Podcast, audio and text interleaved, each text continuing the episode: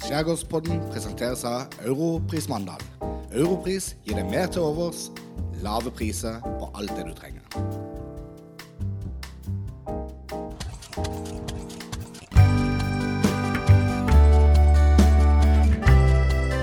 Skjærgårdspodden med Thomsen og Loland. Velkommen, velkommen, velkommen. Velkommen, Loland. Eh, I like måte. Du har fått deg camfordrops. Ja, jeg skulle aldri gjort det. Oh. Ja, vi sier det her hos matte, vet du. ja, ja, ja, ja. Du går i den gode, gamle fella. Ja, Ja. hver gang. Ja, Åssen har eh, 2023 starta? Nå har det starta noe voldsomt. For nå har vi rigga opp studio for eh, innspilling av debatter og møte med folket. Ja.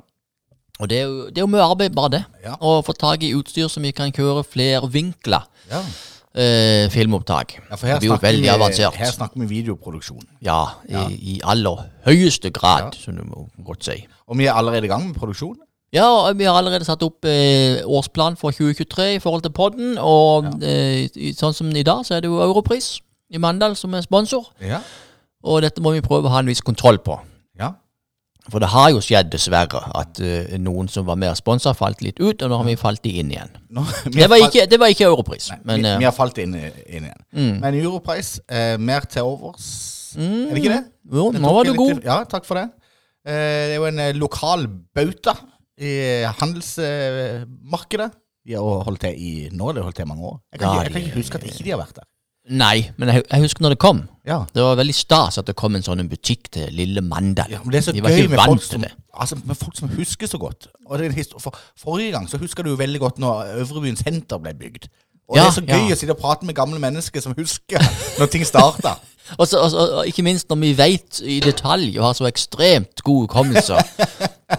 og husker nøyaktig hva som skjedde. Ja, og akkurat det eh, skal jeg faktisk komme litt tilbake til. At det kan være i løpet av denne sendinga her at vi må ha en, en, en oppfriskning av Legge seg flat-spalten. Eh, Ja, det må vi òg gjøre. Men du skal vite én ting. At jeg har tapt uh, penger på min hukommelse. Å ja. Og det, og, men det var nokså tidlig i, i livet. okay. uh, så det skal jeg fortelle deg litt om etterpå. Det skal, nå er det mange ting etterpå nå. Ja, men sånn er det. Men tilbake til med videoproduksjon. For vi har jo starta så smått. Og jeg, grunnen til det, at vi gjør det, det er jo fordi at eh, vi ønsker eh, Vi skal jo lansere en nettavis. En nettavis. Ja. Og nå går vi jo inn i 2023, og som alle vet, eh, så er det jo lokalvalg i 2023. Eh, og vi skal ikke bare drive med det, men det er noe av det vi skal drive med. Så vi har allerede begynt med portrettintervju av ordførerkandidater, og vi skal ha debatter, og vi har lagd en podkast-bonusepisode som kommer senere. ja, det sier så mye nå. Det er mye på gang. Og vi skal ikke minst vi skal ut og treffe folka. Vi så sikkert noen fem på gata, eksempel. Høre hva folk mener. Sånn, ikke bare med bokstaver, men rett tale i Ja. Mm. kamera. Og det er mye mer interessant. Og du kan få sagt ting litt mer ordentlig. Ja. Hva du mener, og ikke man blir misforstått i en eh, tidsskrift, for eksempel. Eller noe sånt. Ja. Eh, om vi skal drive meningsut meningsutvekslinger, som vi ønsker til folket. Lytterne våre til Skjærgårdspodden og sånn. De som sitter på disse meningene rundt forbi, sender det inn til oss. Enten i tekstformat, eller at de sender et sånt et eh, obs, obs. Jeg kan gjerne stikke innom og så fortelle om mine meninger om Sodeviga, for eksempel, eller eh, strøinga Ja, ja. på Frøysland, eller eh, whatsoever. Vi får jo allerede sånne tilbakemeldinger fra Søgne i uh, Øst. øst til Lyngdal i vest. Yes. Folk melder inn og retter og korrigerer og applauderer. Ja. Og det er gøy. Akkurat det med korreksjonene det skal vi komme tilbake til litt grann senere i sendinga, for der har vi faktisk litt å jobbe med, kjenner. Men det vi skal gjøre nå, vi skal over til en av våre mest tradisjonsrike spalter gjennom alle tider.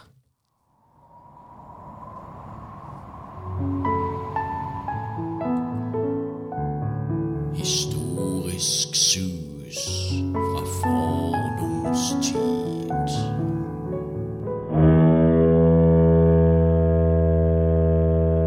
Og uten at det var overhodet regissert, så har vi jo innleda til dagens historietema. For det skal handle om avis. Ja. Ja. Eh, og det var nokså tilfeldig, så må ikke folk gå på limpinnen og tro at eh, oi, dette var godt planlagt og regissert. Nå prater de to og et halvt minutt om avisvirksomhet, og så kommer det en historie om avis. Tilfeldig. Veldig tilfeldig, og kanskje litt flaks til og med. Eh, men vi skal snakke om eh, en spesiell avis. Eh, for avisen Sørlandet. Avisen Sørlandet. Avisen Sørlandet. Når jeg sa det til deg eh, tidligere dag, så sa jeg at det er jo spennende. Det var jo eh, de som eh, hang ut han der fyren her for et år siden. Ja, ja, ja. Nei, tenk, Du tenker nå på Sørlandsnyhetene. Ja, så der bommer jeg jo. Ja, og det er utrolig viktig å presisere. Eh, vi som skal inn i avisbransjen med å følge Varsom-plakaten og vise presseetikk Sørlandsnyhetene har aldri hatt en ansvarlig redaktør. Nei. Eh, Så det kan vi legge dit til sides. Ja, Og så kan vi konsentrere oss om Sørlandsnyhetene var en blogg. Nå skal vi snakke om avisen Sørlandet. For de fleste har Avisen Sørlandet. For jeg legger merke til at det er så veldig gøy at du snakker kristiansandsdialekt når du introduserer denne. Jo, Nå har du sagt fire ganger Avisen Sørlandet. ja, men Mm. det er kanskje ikke så rart, for han ble jo etablert i Kristiansand. Ah. Ja. Eh, og eh, jeg vet ikke hva han heter altså, for, når, han, når han ble lansert For de fleste har hørt om den, og de hadde jo avdeling i Mandal. Og de var store, de holdt på i mange år. Men, og jeg hadde hørt om han, og vet min oldefar skrev for han. Men jeg, liksom, jeg visste ikke Var det på 1930-tallet, eller var det på 1980-tallet? Altså litt sånn eh, Så jeg tenkte jeg skal sette meg inn i historien Ja. til Sørlandet. Var dette en konkurrent til Feven, eller var det Eh, Det er jeg litt usikker på, men jeg tror faktisk det var før. Jeg tror ikke Feven var etablert. mm. Eh, For vi skal faktisk tilbake til 1906. Han var ikke på nett, altså? Han var ikke på nett. Og Sørlandet var en avis som utkom for første gang i 1906. Og da hadde han navnet Sørlandets Sosialdemokrat. Oi, oi. Eh, og så skifta de navn til eh, Sørlandet, kun Sørlandet, i 1923. Eh, og grunnen til at eh, han heter Sørlandets Sosialdemokrat, var fordi at eh, det var Kristiansand sin sosialdemokratiske forening som ble stifta i 1906.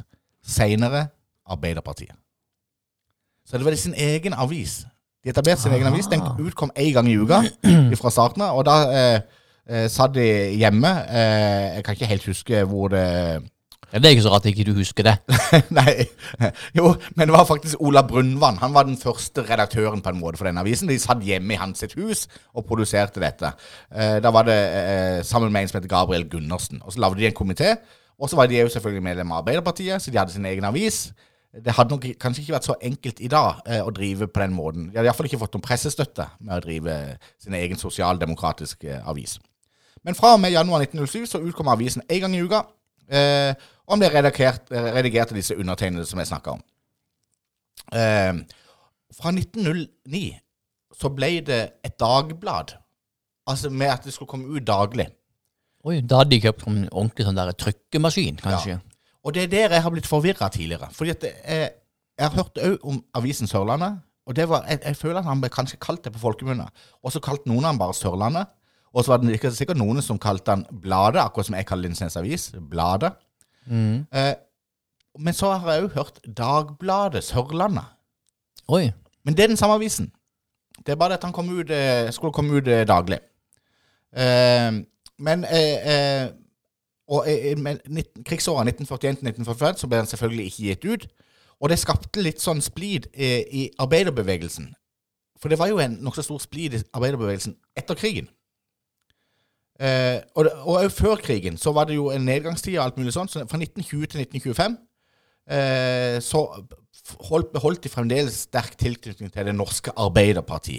Og så ble det en del grums der i arbeiderbevegelsen, så de måtte gjøre noe. Så det ble mer og mer reinskjær eh, regionsavis etter 1925. Litt sånn som Feven framstår i dag. At det er en eh, parti eh, Hva heter det for noe? Eh, Så nøytral i forhold til Ja. mm, ja.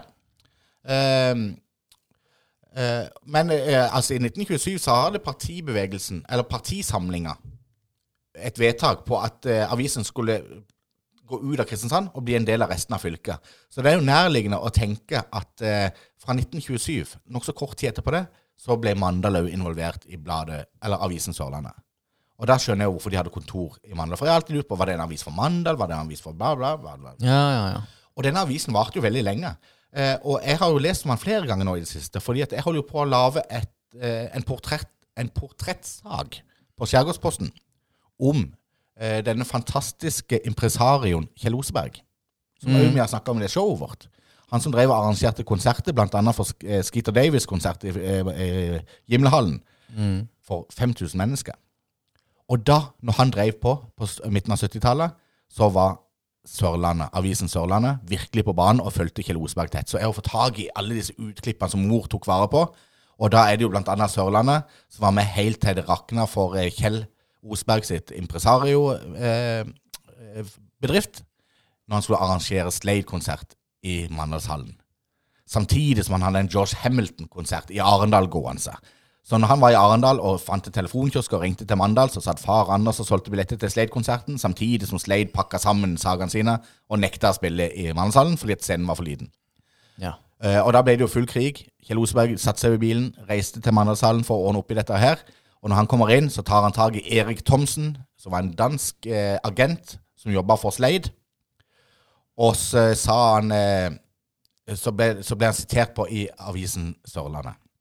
What the hell is this for noe? What in the hell is this for noe? Ja, og det sto på, med svær skrift på avisen Sørlandet. Og han ble også sitert på at hvis de hadde hatt en revolver i lomma, så hadde jeg skutt i hodet. Det er jo helt Som presseetisk, litt eh, i gråsonen. Men det sier litt om Sørlandet, avisen Sørlandet sin kraft. De var der det skjedde i veldig veldig mange år, og de var der faktisk helt til 1990. Helt til 1990? Helt til 1990. I 1986 så tok Trygve Hegnar over den avisen, faktisk. Ja. Dum, dumpa prisene, eh, så de fikk jo en haug med eh, nye abonnenter. Pressestøtten økte, men i 1988 så solgte han det videre. Og fra 1988 til 1990 så ble det styrt av dette kollegiet som satt der, altså arbeiderne i avisen Sørlandet, før de ga opp i 1990. ja. Ja. Sånn er det. Så det var en eh, liten del av historien om denne store regionsavisen, som jeg vil tro var forløperen til Federlandsvennen. Som holdt på i over 80 år. Som holdt på i over 80 år. Så det er jo en eh, litt av en historie de har. Rett og slett 84 år. Kan du få tak i arkivet til avisen Sørland? Det, eh, det er jeg litt usikker på, men du skal jo ikke se vekk ifra det. Har du lyst til det? Hvis noen sitter med det, Ja. så kan de gjerne ta kontakt. Mm. Så skal vi eh, kikke på det.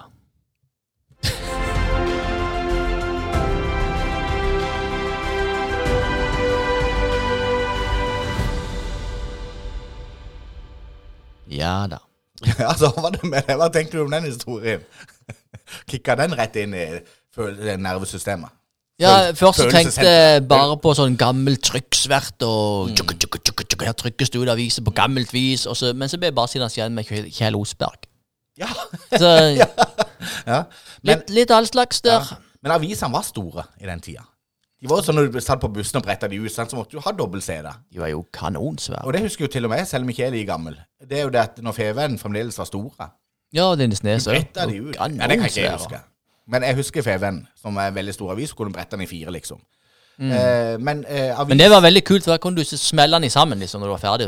Først lu- lukka du den én gang, så lukka du den en gang til, og så lukka du den for tredje gang, og så smalt du den i bordet. Ja, for den rutinen og ritualet med å gjøre sånne ting, det er jo litt sånn nostalgisk. Og litt sånn samme feelinga har vi jo Jeg husker du prata om eh, LP en gang.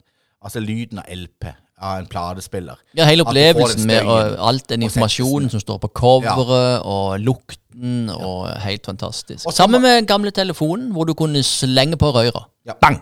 Det kan du ikke lenger. Og sånn var det jo med avis òg.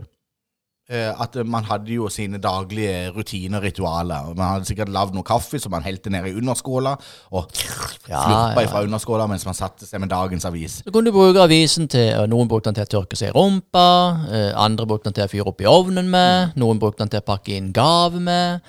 Eh, det ble brukt.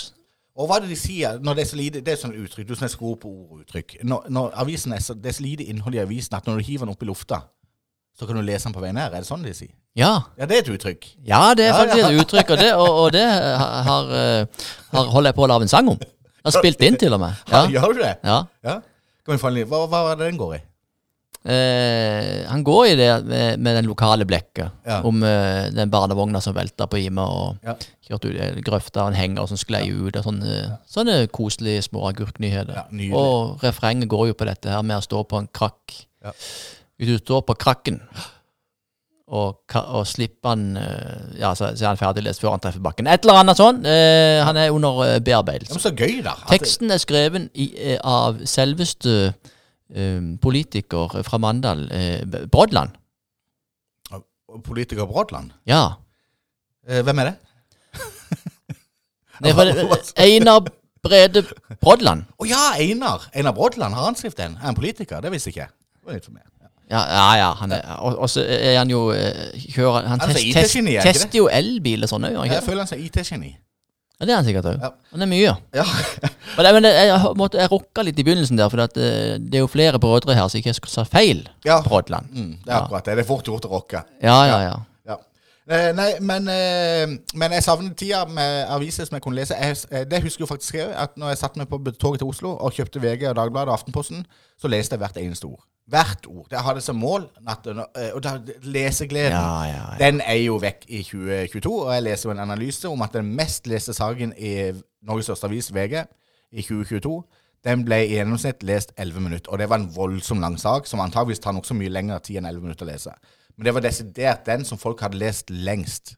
Og da hadde de målt at folk hadde vært på sitt medium og lest den 11 minutter. Ellers så tror jeg gjennomsnittslesninga er på det er noen få sekunder. Det er ikke mange sekunder. Går så fort i dag. går fort, vet du. Men når du er sånn Jeg, jeg, jeg, har ikke tålmodighet til å lese en avis bokstav til bokstav. Sånn som du. Når du liksom har lest ned sida, Mm. så ser du bare ned mot høyre og ser på sidetallet. Bare for å ha lest det. jo. Yes, Og så kan du bla om nøyaktig. til neste Så du kommer til å få de samme utfordringene med mine eh, portrett, eh, portrettsaker i Skjærgårdsposten som Ja. jeg har med episodene av Skjærgårdspodden. Ja. Men nå har jeg hørt to episoder Nesten. faktisk av Skjærgårdspodden. ja, du har det. Jeg Så, så jeg skal lese det portrettsaken om eh, Kjell Osberg fra perm til perm. Ja. Uh, For jeg skrev jo den for men jeg har halvannen ikke måned siden, men du har ikke begynt ennå. Nei, men han er så svær. Jeg må sette så enormt mye tid for å lese hele den saken. Han er så lang. God reklame hos Skjærgårdsposten. Men vi må komme oss videre. Ja da, ja da, ja da. Jeg syns jo at hvis du har sånn en skjærgårdspod, så kan du jo invitere gjester. Noen som har utmerka seg eller noe. Ja, det syns i hvert fall jeg, så.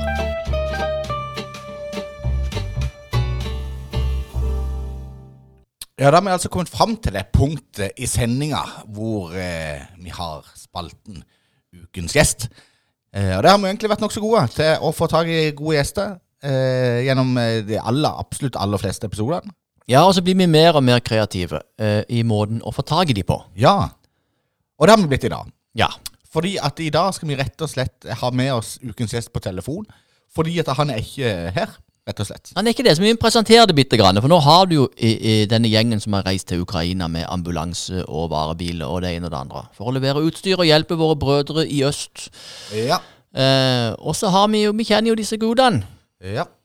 Per Hageland står jo i fronten for dette, det må bare presiseres. Og Dan Nomedal, som er med på den turen, han var veldig opptatt av det når jeg snakka med han. At dette er jo Per Hageland som virkelig har tatt initiativet til. Ja. Så han var redd for å ta noe sånn kred eh, for det. Og han vi skal ringe til da, det er verken Odd Arne eller Per Hageland, men det er en av de som er med å kjøre en av følgebilene.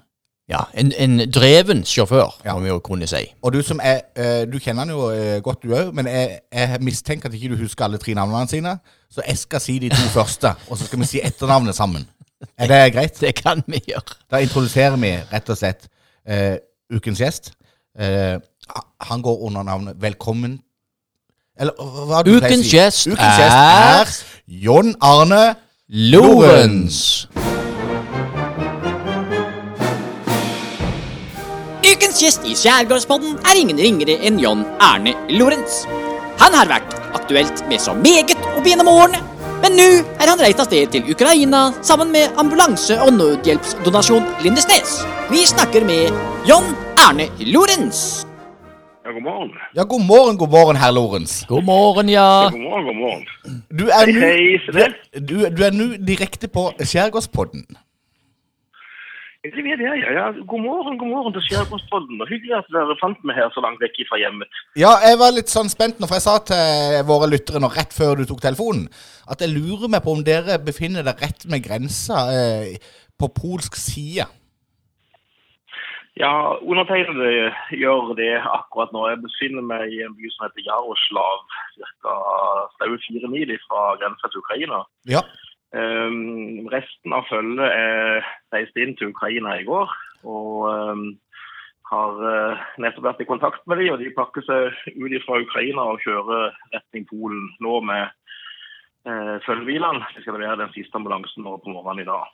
For da har dere altså levert tre ambulanser. Der er levert tre ambulanser. En fra Vennesla Røde Kors og to fra ambulanse- og nødhjelpsorganisasjonen Lindesnes. Ja, og så så jeg jo at dere hadde, dere hadde med dere ca. 1,3 tonn med annet utstyr. Ja, um, det ble jo litt. Ja. Det tok jo, det tok jo litt av. Der er givergleden er stor. sånn at ehm, det som begynte med at vi skulle fylle opp en uh, Ford Transit med varme klær og aggregater og powerbank og sånt som en da har fått i gave, ehm, så ble det såpass mye at eh, vi måtte rett og slett ha en bil til. Så vi fylte opp en Peugeot Ekspert i, i tillegg.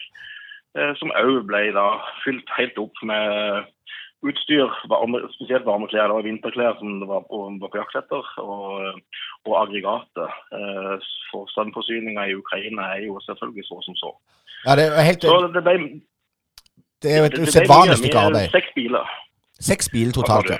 Det er et usedvanlig stykke arbeid dere har gjort. Eh, og jeg, jeg sa jo til lytterne våre rett før jeg ringte til deg, for i likhet med Odd Arne Nomedal, så du er jo opptatt at, eh, at eh, Per Hageland står jo i bresjen for dette. Eh, når jeg snakka med Nomedal for et par uker siden, så var han sånn Ja, men må ikke glemme eh, liksom at eh, det er liksom Per Hageland sitt initiativ, dette. Men dere er jo òg med, og jeg hadde litt lyst til å høre hvordan det oppleves å, å være med som følger følge på den måten. Hvordan er stemninga på grensa der? For jeg vil jo tro Var det Jaroslav denne byen heter? Ja, Er den- Jaroslav. er- Selv om den ligger på polsk side, er den Jeg vil jo tro den er nokså prega av krigen. Faktisk ikke. Ikke? Eh, merker ikke noe eh, sånn til det her. Eh, Det er ikke mye flyktninger og Nei, det er ganske stille her nå. Det er en veldig, veldig stor kontrast eh, til den turen som Per og følget hadde òg i april i år. Når alt sto på hodet her i dette området. Mm. Eh, da var det kø inn mot grensa til Ukraina på mangfoldige kilometer. De ble fulgt med politiet og blålys inn. I går så kjørte vi ja, som en vanlig grensekrysning over til Sverige på en litt travel eh, sommerdag. Eh, så var det litt kø innover. Um, men er, du merker ingenting på denne sida av grensa til at det er en uro. Eh, eller at det er en krig liksom fire mil herfra er det et land som er i krig. Det merker du ikke noe til her. Uh, Stemninga i Jaroslav jeg spaserte gjennom byen i går. Um, og, og sånn folk lever på tilsynelatende som alt vis. Men det er ganske annerledes når du da kommer over på den ukrainske sida. Så er det bevæpna vakter, stengte porter. Um, der er um, sånne eh, stoppere i metall som er satt ut, altså for å stoppe tanks og for å stoppe biler og sånt, og så er rambukker som er satt ut. Det ser selvfølgelig helt annerledes ut. Det er veldig lukka og streng kontroll både inn og ut. Og det må jo gjøre noe med eh, refleksjonene og pulsen, eh, tipper jeg, akkurat når man kommer inn der. Det er liksom eh, uten sammenligning for øvrig, men uansett om jeg har med meg for lite eller for mye i tolla, når jeg skal passere disse tollerne etter jeg har kjørt av danskebåten, så blir jeg jo litt sånn prega. Og når dere da passerer og mm, du- blir svett i hendene når pulsen går opp. Det er ikke noe lov på det. For eh, det er jo altså, du kjører, du kjører inn i retning av et land som er i krig. Eh, Du kjører inn hvor du eh, ikke forstår noe av språket. Du forstår ingenting av skriftspråket. Du er prisgitt at du finner noen som kan litt engelsk, kanskje noe tysk eller et eller annet, så du kan få hjelp. Og så, så ordner det seg når du kommer til, til tollstasjoner som styrer selv. Men for en førstereisgutt som undertegnede, som aldri har vært eh, i den delen før, så er det klart at det, pulsen øker, og du er spent på hva, hva skal du gjøre nå. Du må ut av bilen, og de skal sjekke bilen, og de skal sjekke passet ditt, seg passet ditt, og går jeg vekk en halvtime, og så kommer de igjen og tenker OK, får jeg passet mitt igjen, eller blir jeg gitt ut, eller hva gjør det? Du vet jo ingenting. Så det er klart at pulsen, spenninga og svette hender, det kjenner vi til. mm. Eh, Nei, det, stemning i bilen. det har jo vært eh, utrolig gøy å følge dere, det må jeg jo bare si. Ehm, jeg- jeg skal bare inn på den sida, for dette det er jo ei side som heter Ambulanse- og nødhjelpsdonasjon i Lindesnes. Mm. på Facebook. Og Det vil jeg anbefale alle folk eh, å stikke innom og se hva dere holder på med. Dere er jo flinke til å oppdatere, og det er jo nokså det er no, det er nokså gripende ting. Eh, og, og det er jo som du sier innledningsvis, at det er utrolig mange eh, ønsker å hjelpe. Selv eh, nordmenn som, som føler Kanskje dette har vært Det, det, det er jo for, for helt forferdelig med krig. Men når vi har disse tingene å tenke på med at matvareprisene stiger litt, og det er litt høye drivstoffutgifter, og det er litt strømkrise og litt sånn, så er det litt godt av og til å tenke på at det, ja, men det finnes noen mennesker i verden, ikke så mange hundre kilometer ifra oss, som har det faktisk eh, enda verre. det, det gjør jo det. Og du kan si givergleden eh, å donere, om det er kontant eller om det er i form av ting som du sier at ja, men denne klarer vi foruten, denne varme jakka, denne varme buksa, disse skoene, eh, det ullsettet eller et eller annet som du har kjøpt på Kiwi på tilbud til 69 kroner, eh, det gir jeg heller til Ukraina. Altså alle monner drar. Det er ikke sånn at vi snakker om det er tøft å bo i Norge. Mange i Norge har veldig dårlig råd. Og og det skal vi ikke stikke under en stol. Og, men, men alle som kan klare å gi den 50-lappen til Spleisen uh, for at det, er 50 kroner ekstra til diesel for at disse bilene kommer ned. Altså, Alle monner drar. Det er ikke sånn at uh, en skal tenke at nei, men jeg kan ikke gi 500 kroner, så da lar jeg være å gi. Altså, Kan du gi en 50-lapp, så vær sikker på at den blir brukt, den blir brukt fornuftig. Og det har folk gjort. Ja, og så er det noe med det at uh, folk kan sette seg inn i den tanken om at 50 kroner eh, det er ufattelig mye penger hvis du har null. Det er det. Ja, ikke sant? Hvis er man er skål, hvis man er skål blakk, eh, så, eh, så har det plutselig en eh, mye høyere verdi. Men åssen er det nå sånn at eh, disse, Nå er det noen som befinner seg i Ukraina akkurat nå. Mm. og Åssen er det for de inne i der? Er det sånn at er det, er det farlig for de å være inne i Ukraina? Det er et land i krig, men vår kontakt, Per sine kontakter, Vladimir og Orvin, de hadde aldri tillatt oss å kjøre inn hvis det var sånn at eh, det var direkte farlig, eller at det var en mistanke om farlig. Eh, De kjørte inn igjennom, og det eneste som de la merke til Dette er jo helt vest i Ukraina. Det er eh, motsatt ende. Det er en 80-100 mil fra krigshandlingene. Eh, Det er Donetsk-området og ned mot, eh, mot, der mot Svartehavet. Det er dette området russerne er ute etter og vil ha. Kan det se ut sånn som jeg har forskjønt det, men best er det ikke så farlig. Det, har vært handlinger der òg, i nærheten av Lviv. Men på turen nedover så møtte de noen kontrollposter, bevæpna kontrollposter. Er det eneste som de har sett til krig. Um, altså at det, at, at det er noe annerledes. Um, men uh, i den byen som de da har vært i i natt, så har de bodd på et hotell som er vanlig åpent. Um, jeg spurte ser dere noe. Eh, Er det noe som altså er det noe spor eller tegn etter kamphandlinger eller noen ting, og det er ingenting. Eh, De er i en typisk liten turistby. Det er jo nøye utvalgt at eh, vi ønsker ikke kjøre inn til Lviv, eh, som er en storby.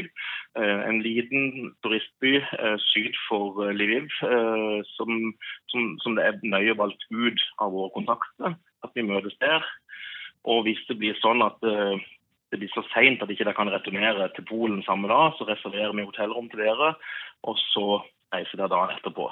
Så det er trygt. Men så skal en ikke glemme at det er et land i krig. Og det er aldri 100% men det er så trygt at en gjør det. For vi setter oss jo ikke i en fare. uh, altså det, det er jo ikke derfor vi gjør dette. Vi gjør det for å få ned utstyr til de som står i dette. Mm. Som må stå i dette. Uh, Så får levere mye utstyr sånn at de kan klare å få gjort jobben sin og være bedre rusta, de som er der nede. Men, men øh, vi setter oss ikke i en fare. Det gjør vi ikke. Men du nevner jo at eh, det er et land som er i krig, og da henger jo det òg med at i krig så er det jo helt andre spilleregler enn når man ikke er i krig. Ikke sant? Så ting blir jo, eh, Det er akkurat som ting er litt mer sånn lovløst eh, i krigstilstand. Så man kan jo aldri få det dokumentert eh, trygt på en måte. Eh, Nei. så så jeg, kjenner jo, jeg kjenner jo bare det å snakke med mennesker som befinner seg i de områdene der, det gjør noe med meg. Eh, eh, og nå har du, du har gjort en kjempejobb som korrespondent for eh, Skjærgårdspodden i Ukraina. Eh, altså Skjærgårdspoddens korrespondent i eh, Øst-Europa, tror jeg vi skal begynne å kalle det for, faktisk. Ja, men det, det, er en, det er en eh, rolle som jeg gjerne kan leve med. Det, jeg, det, er, en, er en spennende oppgave, og det er en eh, fin eh, arbeidsgiver å være korrespondent for. Eh, Så det er veldig hyggelig å kunne gi tilbakemelding, og eh, takk for at dere eh, bryr dere og at dere bruker tid på den jobben som eh, Per og co. har satt i gang, og som jeg har fått lov til å være en del av. Det betyr mye. Ja, Det må jeg bare si at det er beundringsverdig det dere gjør, og jeg skjønner jo at dere får en eh, Det er en sterk opplevelse for dere òg, altså noe å ta med seg videre i livet. Også når det gjelder din eh, korrespondansetjeneste for Skjærgårdspodden, så skal du ikke se vekk ifra at vi kommer til å hyre deg inn for å dekke eh, Dette kan jo høres litt flåsete ut i den samme sammenhengen, men sånn er jo livet. Vi må gå fra det ene til det andre. Men når Montenegro skal ha Grand Prix, eh, de lokale Grand Prix-finalene, så er det mulig vi sender korrespondent Lorentz ned for å dekke det.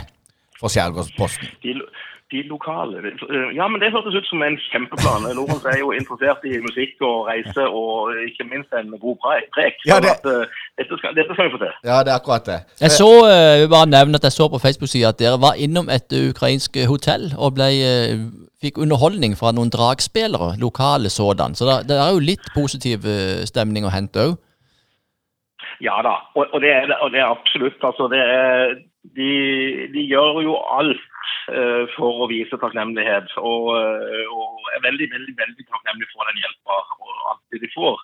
Og har jo selvfølgelig lyst til å gjøre stas på den gjengen som da bruker tid og penger på å, å komme ned og levere utstyr til dem. Så det var jo Vladimir veldig eh, tydelig på at eh, hvis dere har tid og, og kommer inn i Ukraina, så vil vi gjerne gjøre litt stas på dere. Så da er det hotell, og det, det, det er en god middag, og så er det lokalt med musikk og dragspill og fele og det hele og dans i nasjonaldrakter, sånn som jeg hører seg bør i, i disse områdene. Så de er veldig takknemlige, og det, Og det er jo Og de må jo på mange måter leve et liv òg. Nå går de jo på ellevte måneden i krigstilstand. Og jeg så en sånn dokumentar eh, eller en reportasje fra en eller annen krigsherja by i Ukraina som hadde åpna opp en liten sånn en kjeller og lagd en liten pub der uten strøm. Og så hadde de standup. Ja. Ikke sant? Eh, og det var, nok, det var en sånn bisarr opplevelse å sitte og se på. De sitter nærmest i et bomberom og så eh, følger med på et standup-show. Og jeg skjønner jo, De har jo et ekstremt behov for å flytte tankene sine vekk, for de kan jo ikke være i krigstilstand hele døgnet i elleve måneder i strekk. Nei da, og det har det jo vært tidligere. At, de, at eh, Spesielt det er jo den yngre garde som har sagt at vi, vi, vi er nødt til å prøve å leve på et eller annet vis òg. Men det er som du sier, det blir ned i et bomberom med musikk, og kanskje det er grad for står og sviver et eller annet sted for oss å få noe lys. Og, og sånt, og så prøve å leve sjøl i dette. Det, det er klart, det, altså, Vi kjører inn eh, for en dag eller to eh, og snur og kjører ut igjen. De har ikke dette valget. De lever i dette presset hele tida. At eh, ja, vi er et land i krig. Det kan skje. De skal feire sin jul nå fra i morgen. Så er det jul.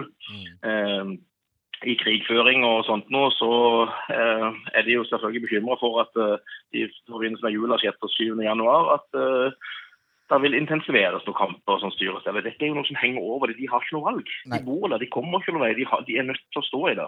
Mens vi kan da ta med oss snippsekken etter en hyggelig opplevelse og en spennende, eh, inntrykksfull eh, dag, døgn, og så kan vi kjøre hjem igjen til trygghet. Ja. Det, det valget har de ikke. Eh, men tusen tusen takk for at du tok deg tid til å prate med oss, eh, Lorentz. Du skal jo hjem til Setesdals bussreise. Eh, og så skal du òg hjem til Skjærgårdsposten, for der skal du ha en spalte hvor eh, den tidligere daglige leder Lorentz i eh, Mandal drosjesentral skal fortelle de gode drosjehistoriene. Ja, men det er kult. Ja, det er Det er noe det. Det, det er noe, Da kan du snakke om at vi skifter tema, du. Fra den ene galskapen til den andre. Det er gøy. Ja, ja, akkurat. Eh, og så må du hilse eh, resten av følget og bare eh, gi det en solid klapp på skuldra fra Skjærgården kultursenter eh, for jobben de har gjort. Og så må du ha god tur hjemover til Norge. Takk for det. Takk for det. Jeg skal bringe det videre. Takk for eh, samtalen og praten dere. Ha en fin, fin dag. Takk i like måte, Lorentz. Ha det godt. Ja, ha det. Ha det.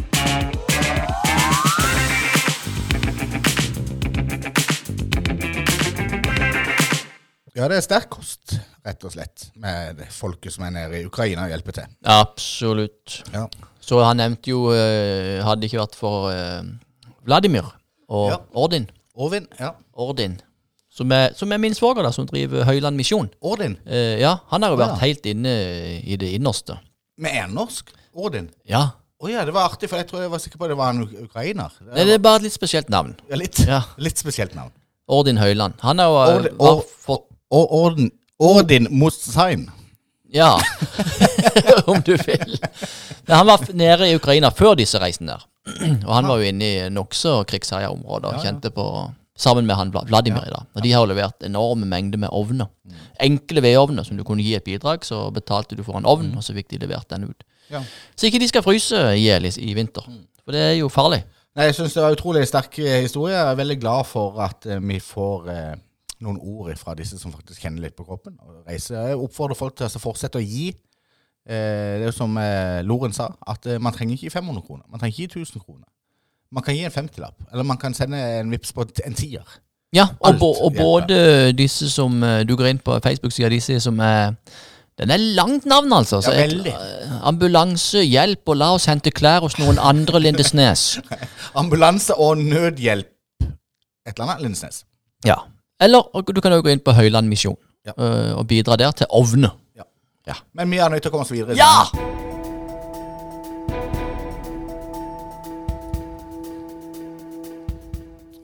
Kjenner jeg deg rett, så har du flere nyhetssaker. Selvfølgelig, Så jeg- selvfølgelig. Det skjer så mye Ja. rundt i, i distriktet. Dette er jo på en måte din spalte, føler jeg på mange måter. Eh, så jeg tenker jo, jeg foreslår bare at du bare gønner på. Hva er det du vi har tatt tak i da? Skal vi til Søgne, Sogndalen og Flekkerøy i dag? Vi skal nok til N247, ja. Yes. Det, blant annet. Uh, og selvfølgelig Vennesla-tidene. Vi okay. må følge Vennesla tett. Det er der det dunker og smeller. Ok. Det må dere bare vite. Ja. Uh, men først til eh, N247, hvor jeg går inn og ser på avisen, og det første som slår meg, er nye rockeringer på Tangvall. Oi. Jeg tenker, Å, for en deilig agurksak. Mm. Rockeringer på Tangvall. Hva kan dette være? Ja, sånn gode gamle 80-talls rockeringer. Ja, så jeg kan jo klikke meg inn på denne saken. Eh, for N247 er vel enn så lenge gratis. Ja. Eh, og jeg klikker meg inn og, og ser at eh, jeg har misforstått litt. Eh, for det er ikke nye rockeringer på Tangvall. Det er nye rockeringer på Tangvall. Så, og det var ikke N247 som hadde skrevet feil, det var du som hadde tolka jeg tolker dette litt fort, for det, jeg kan jo fort gjøre det. ny, nye rockeringer på Tangvall. Nye rockeringer, for da har du denne butikken som heter Gullungene. Ja, som selger barneklær Det er jo et veldig koselig navn. Ja, det må være Norges koseligste navn på en butikk. Det viser seg at denne skal flytte fra Torvgata Aha. og inn til Torvet. Oi. Ja. Og så er det en annen en Fra frisør Torvgata inn til Torvet. Ja, Ok. rundt hjørnet. Ja. Så det er små forhold, vet Ja, du. ja. Det er det som er så koselig. Ja. Og frisørsalongen òg, som jeg i kommer til å, å, å, å Og da må du ikke forveksle eh, frisørsalongen, som du sa, med avisen Salangen. Nei, det For må det er man jo fort gjort med Ja. rockeringene. Det, det er frisørsalongen i, i, på Tangvall, eh, Sikksakk. Ja. Eh, som- jeg ville kalt den for Sikksaks, men, det, men det, det er min mening. Eh, de skal visst òg flytte. Derfor er det flere flyttinger her, Ja. og derfor kom disse rockeringene inn. Eller rockeringene, da. Mm. Eh, Så Det synes jeg var eh, Det som var gøyest med saken, var at jeg, jeg var sikker på at jeg skulle lese om rockeringen mm. i januar i, i Søgne. Men det skulle jeg ikke. Nei, nei, men kanskje den kommer. Og din sak? Jeg har en sak fra Kristiansand, eh, fra FVN. Eh, Sørlandets største avis, selve flaggskipet, som har tatt tak i kanskje et av de største ilandsproblemene jeg har hørt de siste 35 årene. 35 år Ja, det vil siden jeg sist si. du Oi, oi, oi. Eh, siden jeg hørte en eh, ilandssak, ilandsproblem, for de har tatt tak i et stort problem eh, i Kristiansand, hvor de har fått intervjua en gammel, gammel, gammel mann eh, som er helt forferda og har mista nattesøvnen fordi at eh, søpla ikke har blitt henta.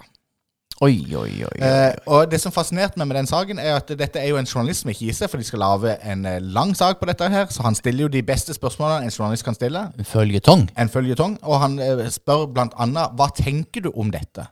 Nei, Oi. det er tanker som ikke engang egner seg på trykk, blir han sitert på. Så Ja. kan man jo bare fantasere og spekulere om hvor sterkt dette har gått inn på denne eldre mannen. Som har hørt om flere som har lignende tilfeller, og det har jo FVN gjort sin jobb. De har jo hentet, Nå har vi jobba litt med avisopplegg i det siste, og vi ser viktigheten av ikke bare å drive med énkildejournalistikk. De har henta inn en haug med kilder. Eh, De har snakka med alle slags De har snakka med firma som driver på og skal hente søppel, de har snakka med kommunen, de har, for dette er jo et forferdelig stort problem. Og det, det gikk så langt Det gikk så langt at denne mannen sa at jeg måtte rett og slett kjøre papirsøpla sjøl til en annen plass. Ja, og levere den, ja. Ja, og og gjenvinningsstasjonen. Ja. Eh, og det var Og det er jo ikke bra. Nei. Og han Nei. sitter jo antageligvis fremdeles med tanker som er, fremdeles ikke egner seg på trykk. Men det kanskje mest fascinerende med dette, er jo at det, du vet kommentarfeltene på Facebook de bobler jo over av gode kommentarer ofte. Og så har Ja. man jo òg kommentarfelt på avisen. Men de har liksom på en måte blitt litt erstatta av Facebook-feeden. Facebook-kommentarer. Så når saken blir lagt ut på Facebook, så hagler det jo ned med kommentarer. Men her er det blitt blåst liv i Feven sitt eget kommentarfelt igjen. Under saken inne på FVN. Og det er mye folk som kan mye om søppel. 179. 179 kommentarer av folk som bryr seg om dette ilandsproblemet. Denne ilandsutfordringa.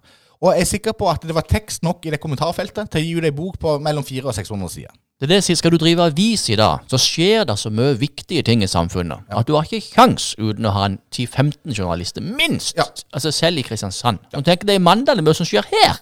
Akkurat. Så, så, et, så derfor ble dette på en måte min eh, nyhetssak, men òg et lite hjertesukk, og ikke minst en sinnaspaltesak. Ja, og det gøyeste med den saken, som jeg syns, det var at du sa at du hadde ikke hørt en, en, en sånn ilandsproblem, eller lest om sånne ilandsproblemer for Hør her nå. 35 år. Du sa ikke 35 år. Velkommen blant gubbene, Thomsen. Veldig, veldig artig å se at det grå skjegget modnes dag for dag. Ja, Har du flere saker? Selvfølgelig har jeg flere saker. men Vi har jo ikke vært innom Vennesla, og det må Vi kan ikke unngå Vennesla. Vennesla. Ja. Nå har ikke jeg Du har bare skjeve. Jeg, har- sikkert sagt det før. Eh, Du har ei skjeve. Det var mor til en kompis av meg fra Vatnstrøm, vet du. Ja, Vatnstrøm, som er enda lenger nord for Vennesla. Skal ha ei skjeve? Hva vil du ha på skjeva. Har du spise, har du Å spise, spise, har spose? Har du Ja. Er mamma hjemme? Ja da, men veldig koselig dialekt de har der oppe. Eh, I én og samme overskrift i Vennesla-tiden altså, Her klarer journalistene, istedenfor å lage fire sider med en søppeldunk, så klarer de å smelle to saker i én overskrift. Okay. Og det syns jeg er imponerende. Eh, for her har du da bilde av en brøytetraktor og masse kaos og snø. Og overskriften er 'Forbereder seg på mer snø'. Gode skimuligheter flere plasser i kommunen. Står det i samme tittel? I samme overskrift. Det er en overskrift. Ja, er Jeg skal lese det en gang til. Forbereder seg på mer snø. Gode skimuligheter flere steder i kommunen. Hæ? Snøkaos, brøyteproblemer og ut og gå på ski i én overskrift. Her snakker vi journalist. med Og dette er ikke som N247, for her tipper jo Vennesla Tidende. De kjører eh, betalingsløsninger. Men tusen takk til Vennesla Tidende for å fylle tittelen med så mye innhold at du overhodet ikke trenger å stikke deg inn på saken. Nei. Så nå er det bare det at du må få på piggdekkene på bilen, og så kan du fylle den opp med agebrett og ski. Det eneste jeg savner Jeg skal si til den journalisten du kunne gjort det enda bedre. Uh, du må ikke det, men Ja. hvis du vil, så kunne du hatt et todelt bilde med sånn en skråstrek på midten. At den brøytebilen som sleit, var på den ene sida, Mm. og en som kosta bortover på ski på den andre sida. Jaha, i Hæ? bildet, ja. Ja, så har du en dobbel bilde, dobbel sak, i én overskrift. Gratulerer! journalistkonsulent Loland. Ja, nei, men det var jo eh, en nydelig overskrift. Jeg syns det. Ja. Det, Har du, har du flere? Nei, det er ikke, jeg er tom. Du er tom. Og hva mener du? Du er ikke tom, det kan jeg love deg. Jeg er ikke tom. Men jeg kan ta, før vi går ut av nyhetssaken, så kan jeg ta, eh, bare så jeg ikke glemmer det. Eh, Jeg tapt- tapte penger på dårlig hukommelse. Jeg sa jeg det? Ja. Ja. Så du skulle komme tilbake til det, ja. ja. For vi var ute og kjørte bil. Vi var 19 år. La oss si vi var 19 år. Jeg har jo dårlig hukommelse, så det kan jo være 19 og et halvt. Men vi kjørte i en bilen til en kamerat av meg, og så skulle vi opp og snu. I topp enden av Torjusheigata. Så Det er jo parkeringsplass det er jo helt oppe i enden der. Kjørte vi opp der og snudde. Og så begynte bilen hans å skli. Det var speilglatt. Og så sklei han rett inn i en parkert Opel. Oi. Eh, nå kan ikke jeg være helt sikker på at det var Opel, for jeg har jo ikke så god hukommelse. Men iallfall så kom vi hjem, og, og så satt vi og prata, fire kompiser, og så fant vi ut nei, vi kan ikke, vi må gå ned. Vi så ikke at det ble noe merke i bilen, men vi må gå ned og legge en lapp eh, på, under vindusviskeren, bare for å være ordentlige. Og så sa jeg heldigvis var bilen eh, hvit, sa jeg. Så Var det en Opel Olympia? jeg, jeg vet ikke hvorfor jeg sa det, at bilen var hvit, men jeg, jeg, kommenterte fargen på bilen. Og så sier han som kjørte i bilen, han sier at han var jo ikke hvit. Han var grå. Oh, ja. Så sier jeg nei, han var hvit. Nei, nei, han var grå. Og jeg står så påståelig, vet du. Og står, han var hvit! Og tre kompiser etter hvert sier at nei, han var jo grå, var han ikke det? Nei, han er jo hvit. Jeg er jo ikke blind. Og så vedder jeg 100 kroner, for jeg er så himla Og 100 kroner, hvis vi går tilbake 30 år ja. Det er mye penger. Når, eh, når Opel Olympia eh, hadde sitt beste salgsår i Europa. Ja. ja. Jeg tror det var en av skoene. ja. Så, men nå skyter jeg fra hofta. Så kjører vi ned og leverer lappen. Og farve tror du det er på den bilen? ja den er jo Da, selvfølgelig da, da, da, da, da. Den er grå. Ja, Du har bygd opp historien. Den er så ikke at bare litt grå engang. Den er kjempegrå. Og da tok jeg ut penger. Eh, fordi at jeg var så sinna på meg sjøl. At nå skulle jeg straffe meg sjøl med å betale dette med en gang. ja. Tok ut penger. Ga penger til kompisen min. Har aldri vært der siden. Veldig interessant, Loland. Det er to ting som jeg begynner med merke nå i denne historien. I denne nyhetssaken. Ja, for, ja, for det første, så er eh, sånn storytelling-messig, så introduserer du jo for ti minutter siden i denne episoden at du tapte et veddemål. Så, eh, litt Ja, ja, det var ikke, det var ikke spen spennende. det. Det var Spenninga på Nei, ja, ja, ok. Ja, det var jo Og så veldig dumt. til eh, nyhetsverdien i dette. Eh, For hva i all verden uh, gjør dette i denne spalten, nyhetsspalten? For før jeg skulle klikke meg ut på outroen der, så var det Ja. veldig viktig for deg at før du gjør det, Ja. så la meg fortelle om For jeg var redd jeg skulle glemme det. Ok. Ja, så nyheten det var at det ikke, ikke vedd. Det var nyheten. Ja.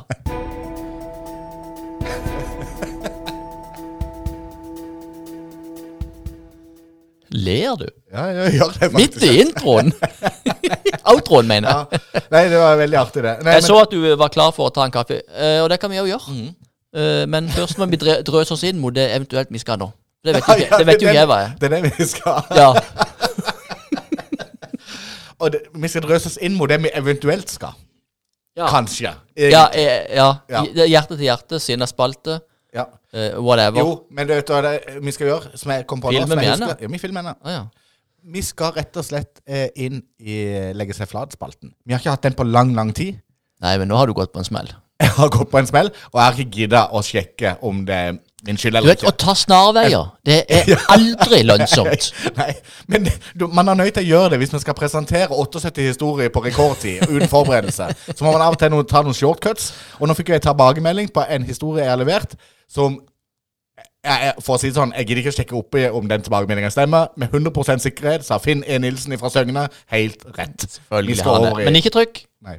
Selvfølgelig har han helt rett. Mm. Jeg synes, Før du trykker, eh, så vil jeg bare si at jeg synes det er veldig gøy at jeg kan si det her og lire av meg alskens Ja. pisspreik. Og alle sier ja, ja, det er jo bare Lola. Men hvis du gjør en feil, Endre, Ja. da blir du hjemsøkt. Ja, jeg gjør det. Og jeg fikk vel... Mitt så var den voldsomt seriøse delen av dette. Og det syns jeg er veldig koselig.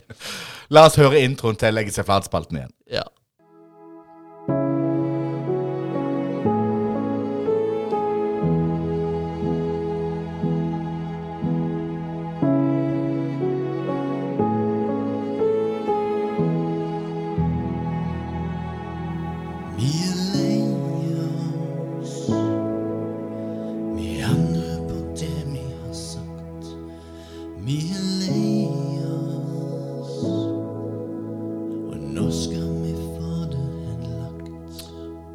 Uten tvil Norges vakreste intro på en podkast. ja, det må jeg si meg helt enig i. Ja, jeg kan liksom bare hoppe rett på.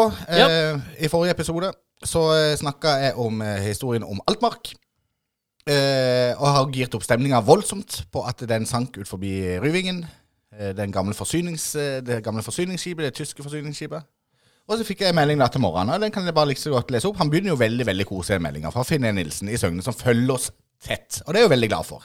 Veldig. God morgen. Sitt og hører på dagens blodferske episode av Skjærgårdspodden mens en rykende varm kopp kaffe nytes. Historiene om MS Altmark nytes også, men er Thomsen sikker på at det er Altmark som hviler på 35-40 meter øst av Ryvingen, og ikke NK02 Dragoner? Beskrivelsen, beskrivelsen høres nemlig ut som plassering og dybde av den opprinnelige norske MTB KNM Kjell, som ble kapret av tyskerne og døpt om til NK02 Dragoner før den ble senket av et luftangrep og gikk ned på ca. 40 meters dyp øst av Ryvingen 28.9.1944. Eh, historien om Altmark stemmer for øvrig i forhold til krigsfangene og slaget i Jøssingfjorden med tilhørende tap av soldater, men meg bekjent ble Altmark, som i 1940 ble omdøpt til Ukkermark, senket av en uhellsartet eksplosjon utenfor kysten av Yokohama og tok 53 mann med seg i døden. Korriger meg gjerne om jeg tar feil, skriver Finn E. Nilsen. Jeg har ingen planer om å korrigere Finn E. Nilsen. Jeg har ingen planer om å eh, gå inn i historien for å verken eh, bekrefte eller avkrefte noe som helst. Jeg er 100% sikker på at Finn E. Nilsen har helt rett, og at jeg har én ting å gjøre. Og det er å legge meg paddeflat. Ja. Det er en ærlig sak. ja, det er en Det ærlig sak. er, sånn er det noen ganger. Ja. Og, men det liker vi jo, å bli korrigert. Mhm. Det er viktig. Eh, For rett skal være rett. Ja. Ja. Noen ganger så trenger vi ikke korrigeres, for da skyter vi litt fra hofta sjøl og antar ting. Og det må vi alle få lov til å gjøre. Mm. Ja. Men akkurat dette tror jeg vi skal takke Nilsen for at han er på ballen. Uten tvil, og det er ingen det det, Jeg setter veldig pris på tilbakemeldinga, og du har helt garantert helt rett. Eh, Loland, kan du finne en eh, kjapp sak du kan legge deg flat for? Jeg, fin, jeg vet det finnes flere av de. Legg deg flat. Ja, eh, eh, jeg har, jeg har eh, eh, Nei, det var ikke så lett. Er det vanskelig? Ja, for det, det kom så ad hoc. For jeg tenkte at den her fla, flatpaddinga di den er så stor at jeg tror ikke jeg skal dra med meg noe eh, flatlegging. Nei. Men jeg har sikkert noen, men man skal jo komme på det, må Ja, vite. Og ja. med min hukommelse mm, Ja. Men da tror jeg det får holde uh, med én legge seg flat om gangen. ja.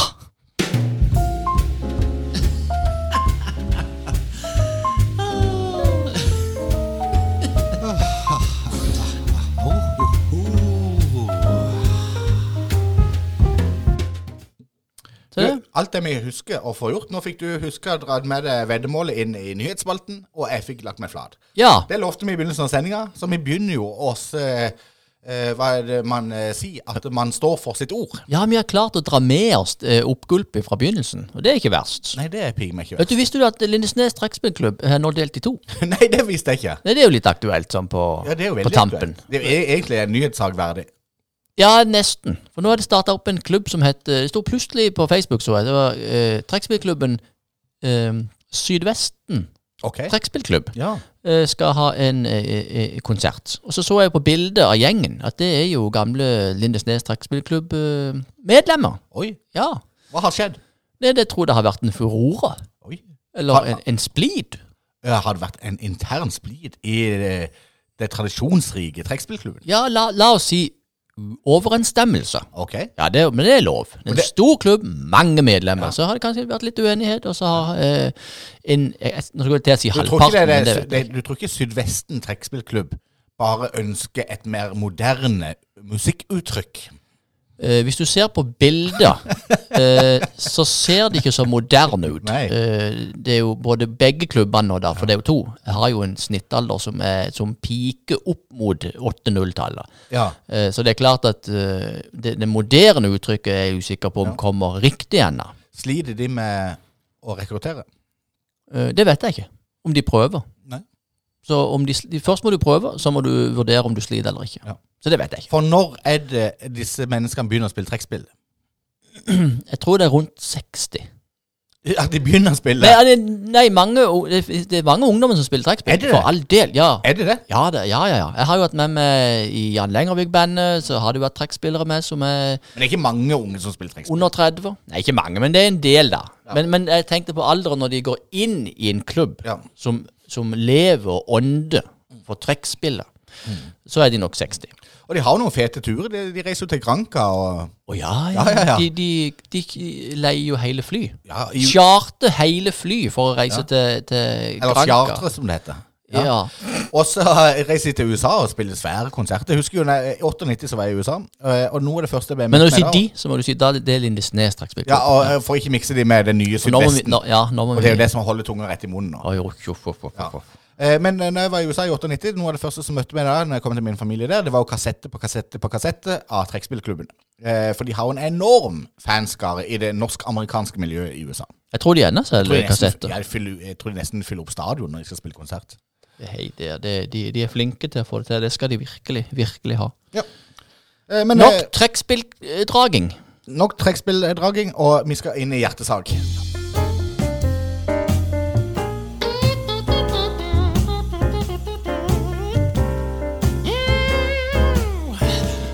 Har du på hjertet? Endre Thomsen. Hva har du på hjertet, gamle Loland? Og nå er du god, Loland. Nå, du legger på en stemme eh, Var ikke det kult? og harmonier. Ja. Det lærte jeg etter å ha eh, forrige uke eh, i Hjertesaken så snakka om demenskoret. ja.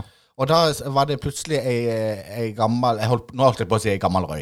Eh, men det var et gammelt, eh, et gammelt menneske, det er jo lov å si. Eh, på- Eldre, kan du si. jo. Eldre menneske på 85 år Mm. som plutselig la på noen sinnssyke harmonier. Hun hadde disse! Ja, ja, ja, hun hadde det bare i seg. Og det var jo eh, eh, en mann eh, som sang solo på, siden han var 78 år. Og så sang han eh, denne her eh, Can't Help Falling In Love with Elvis. Som jeg gikk på Oh. til morgenen i dag. Og der òg så dro han på med noen harmonier. Så han hadde det bare i seg. Han hadde sunget i kor i 60 år. Han var nå blitt dement. Han hadde aldri sunget solo før. Nei, ikke sant. Og så hørte han eh, dirigenten, er det ikke det han heter, han kordirigenten, at denne mannen har noe. Kunne du tenke deg å synge solo på Can't Help Falling In Love? Og så dro han til med noe harmonien. Det var helt magisk. Ikke sant? Nå- nå- Kanskje demensen gjør at du, du slipper litt hemninger. Så det blir ikke fullt og skummelt å, å tørre å stå fram og vise hva du kan. Det tror jeg absolutt. Jeg tror ikke de er eh, Kanskje det er en av veldig få fordeler med eh, å få demens. Det er jo selvfølgelig ikke noen fordel, men man slipper kanskje å bry seg så veldig mye om hva andre tenker.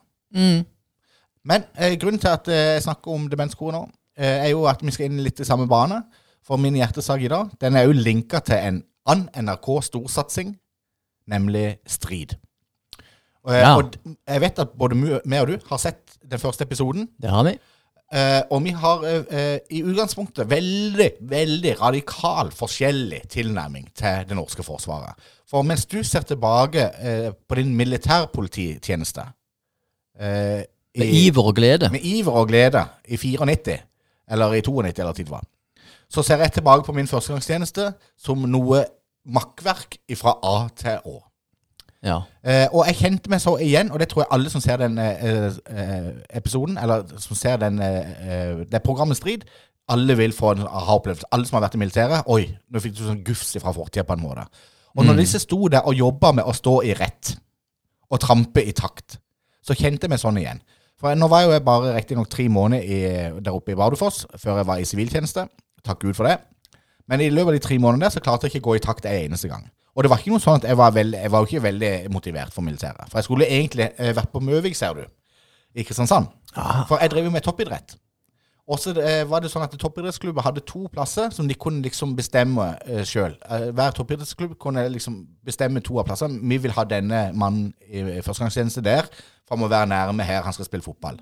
Ja. Men så hadde daglig leder i MK hadde glemt å sende den eh, søknaden. Å, takk skal du ha. Ja, så dagen eh, før eh, så fikk jeg en kontramelding om at eh, du, i morgen skal du til Bardufoss. Ja, Så jeg ikke pakka med meg en Rema-pose med noe skift og reiste opp. Og så får vi at eh, om eh, veldig få timer til så sier det på flyet tilbake til Gardermoen. Eh, men det tok tre måneder før jeg klarte å bli kasta ut av det militæret. Du var der i tre måneder, nesten hele rekrutte- rekrutten. Ja da, eh, eller var der og var der. Jeg hadde jo eh, blant annet, jeg ble jo henta av militærpolitiet, din gamle eh, forening, hjemme i Perseia. Eh, for jeg har tatt en kuperm. Eh, jeg, kom, jeg møtte ikke opp på tida, og da kom de i en sånn en eh, bil fra Luftforsvaret på Kjevik. Med de her dumme bæretene, de her røde bæ- militærbæretene. og banka på døra, liksom. Og nå er du fengsla. Og blir sendt til Bardufoss. Og da satt jeg tre dager i den berømte Kagebua. Og det er de tre beste dagene jeg har hatt i kanskje hele mitt liv. Det var jo bare et rom som var fylt opp med Billy-bøker og Donald-bøker. Og det var helt nydelig. Det var helt magisk. Og når jeg kom ut fra Kagebua, eh, så eh, eh, var det jo sånn at dette var jo i 2001, i september. Og da vet jo alle hva som skjedde. Twin Towers i USA. Og da gikk jo plutselig flyalarm, nei, ikke flyalarm, men alarmen over hele leiren. Og hele leiren ble satt til gul beredskapsalarm. Og det betydde at vi skulle få utlevert eh, sånn Hva heter det for noe? Eh, skarp. Oi, Skarpt. oi, oi. Som vi skulle, eh, og da ble det plutselig enda strengere med det våpenet som jeg hadde mista fire ganger. Ja, At jeg skulle ja. passe på det. Og det klarte jo selvfølgelig ikke jeg å gjøre. Og da måtte jeg stille opp til hos løytnanten for å hente mitt våpen, som han hadde tatt, for jeg hadde bare lagt det på senga. Og så hadde han tatt eh, bilder som fingre på gulvet. Jeg måtte gi ti push-up- pushups ja. for- før jeg meldte av. Så sa jeg det er helt uaktuelt, det kommer aldri til å gjøre. Ja, men da må jeg gi meg 20 situps. Det kommer heller aldri til å skje. Jeg skal bare komme her for å hente våpenet, for jeg har fått beskjed om jeg skal komme her for å hente våpenet. Nei, du er nødt til å melde av først. Ja, men da trenger jeg ikke hente våpenet. Ikke, for meg var det jo ikke spesielt viktig å hente våpenet. Jeg hadde ikke tenkt å fyre av et eneste skudd allikevel. Eh, så eh, etter tre måneder så ga de meg bare opp. Da var det nok. Da orka de ikke å forholde seg. Venta de så lenge? Mm. De prøvde seg jo med å stille meg foran hele bataljonen og så, som gi meg kjeft, reprimande, da, for at jeg hadde vært på 20-perm. Og så skulle Ja. alle stå og se på han, se på den, ikke sant? og alle gi meg ti pushup eller noe sånt. For Ja, nå skal ja. alle ta en straff, og skal han kjenne på skammen og sånn. Ja, ja, ja. Det gjorde Det jeg kjente du aldri på. Nei, det gjorde jeg ikke. Ja, men det, er altså, de, de bruker så lang tid med å luke ut eh, lorten. Lorten. For det at når du skal lage en tropp, Mm. eller kompani, så er det, det, grunnen til at du skal gå i takt og gjøre alt likt, det er at du skal være en enhet. Her jobber vi likt. Hvis vi blir angrepet, så må vi være en enhet som har samme visjon eller tanke, da. Ja. Uh, og hvis du da Du har spilt fotball på MK, ikke sant? Mm. Hvis dere tok inn en fyr som sto bare på midten, og så kikka på de andre, Mm. og så sentra det ballen til han, og så landa han bare foran beina, så sto han der. Ja, Og så sa du til han ja, men du må, du må sentre ballen videre. Nei, det trenger jeg ikke. Ja. Hadde du beholdt han der i tre måneder for å se om du kunne få han inn i laget? Nei, og Nei, var- du hadde kasta han ut med en Og gang. det var nøyaktig det som skjedde med meg på fotballbanen. Jeg var jo den i midten som tok imot en ball og aldri ville sende den videre, bare drible. Ja, ikke sant? Og derfor ble jeg jo eh, aldri mer enn 21 år gammel fotballspiller. Nei, for Derfor syns jeg at du skulle vært luka ut av militæret etter første dagen, eller ei uke, for dette her er det ikke noe håp. Jo, men, Eh, Bruk den til noe annet. men nå er det jo sånn. For dette, nå er det jo eh, svært få som kommer inn i militæret. Ja, nå må du Før søke sånn- for å få plass. Ja, og før var det jo sånn at eh, du var jo utrolig heldig og et av unntakene hvis du slapp eh, den militærtjenesten. Mm. Eller uheldig, det er sånn du ser det. Ja. Eh, du, hvis du hadde fullført og kommet ut i andre enden, så hadde du jo følt deg som en krigsmaskin. Klar for, klar for å forsvare ditt folk, din konge og din nasjon. Ja. Eh, og det er jo ikke teit. Nei. Det er mange som sier at militæret er så teit, det er så barnslig. Det er jo ikke det. Det, var- det var det, det, Det å si det, er det jo det som er barnslig. Det er? her er jo ekstremt viktig at vi har et forsvar. Vi labber rundt oppe i Bardufoss, og så plutselig hører du en som går og så synger på sånne marsjsanger klokka fem på ettermiddagen i Bardufoss når mørket har kommet på, og folk sitter egentlig hjemme og fyrer i peisen og koser seg med kakao. Så var det en sånn en eh, kommandant, eller en sånn en eh, wannabe-løytnant, eh, som gikk rundt og sang på marsjsanger og var helt i krigsmodus. Og begynte sånn Begynte han sånn? Ja, Ja, sånn, ja. Det er jo for å gjøre det litt lettere for det å holde takten, da. Så, men, ja. men det er godt at noen kan sitte hjemme og fyre i peisen, eh, for de vet at vi har et forsvar som fungerer, Ja, selv om noen mener, ikke mener det. Absolutt. Eh, eh, og det, derfor er jeg jo helt enig med deg. At eh, et, det var riktig veien å gå for det norske forsvaret, og heller få inn motiverte eh, ungdommer. Ja, det er jo der det ligger, ikke tjene sitt land. Ja. Istedenfor å ha en haug med Endre Thomsene som sitter på ræva og nekter å gå i takt. Eller ikke får det til. ja. Eh, men jeg syns likevel den serien var fin. Jeg likte den. Og, og jeg likte prinsippet med den første episoden, hvor det er god omsorg og kjefte. Og det var, jeg, jeg tror Ja. kanskje det har folk hengt seg opp i, for det har vært en sånn debatt i skolemiljøet. Sant? Hvor strenge kan lærerne være før elevene blir så krenka Mm, og såra at ikke de kan orke å gå på skolen? Eh, og da er det jo litt av den mentaliteten at det fins masse god omsorg i også pushefolk.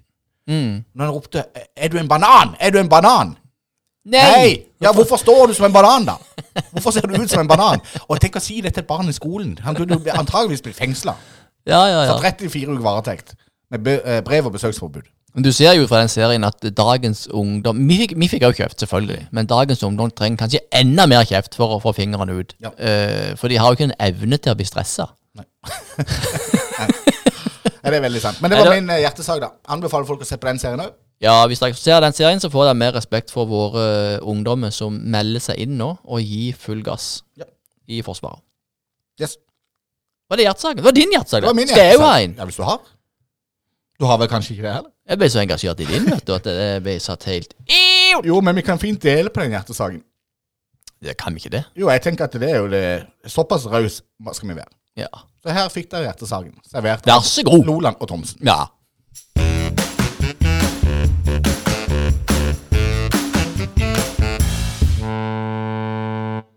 Ja, sesong to, episode to. Skulle-. Ja.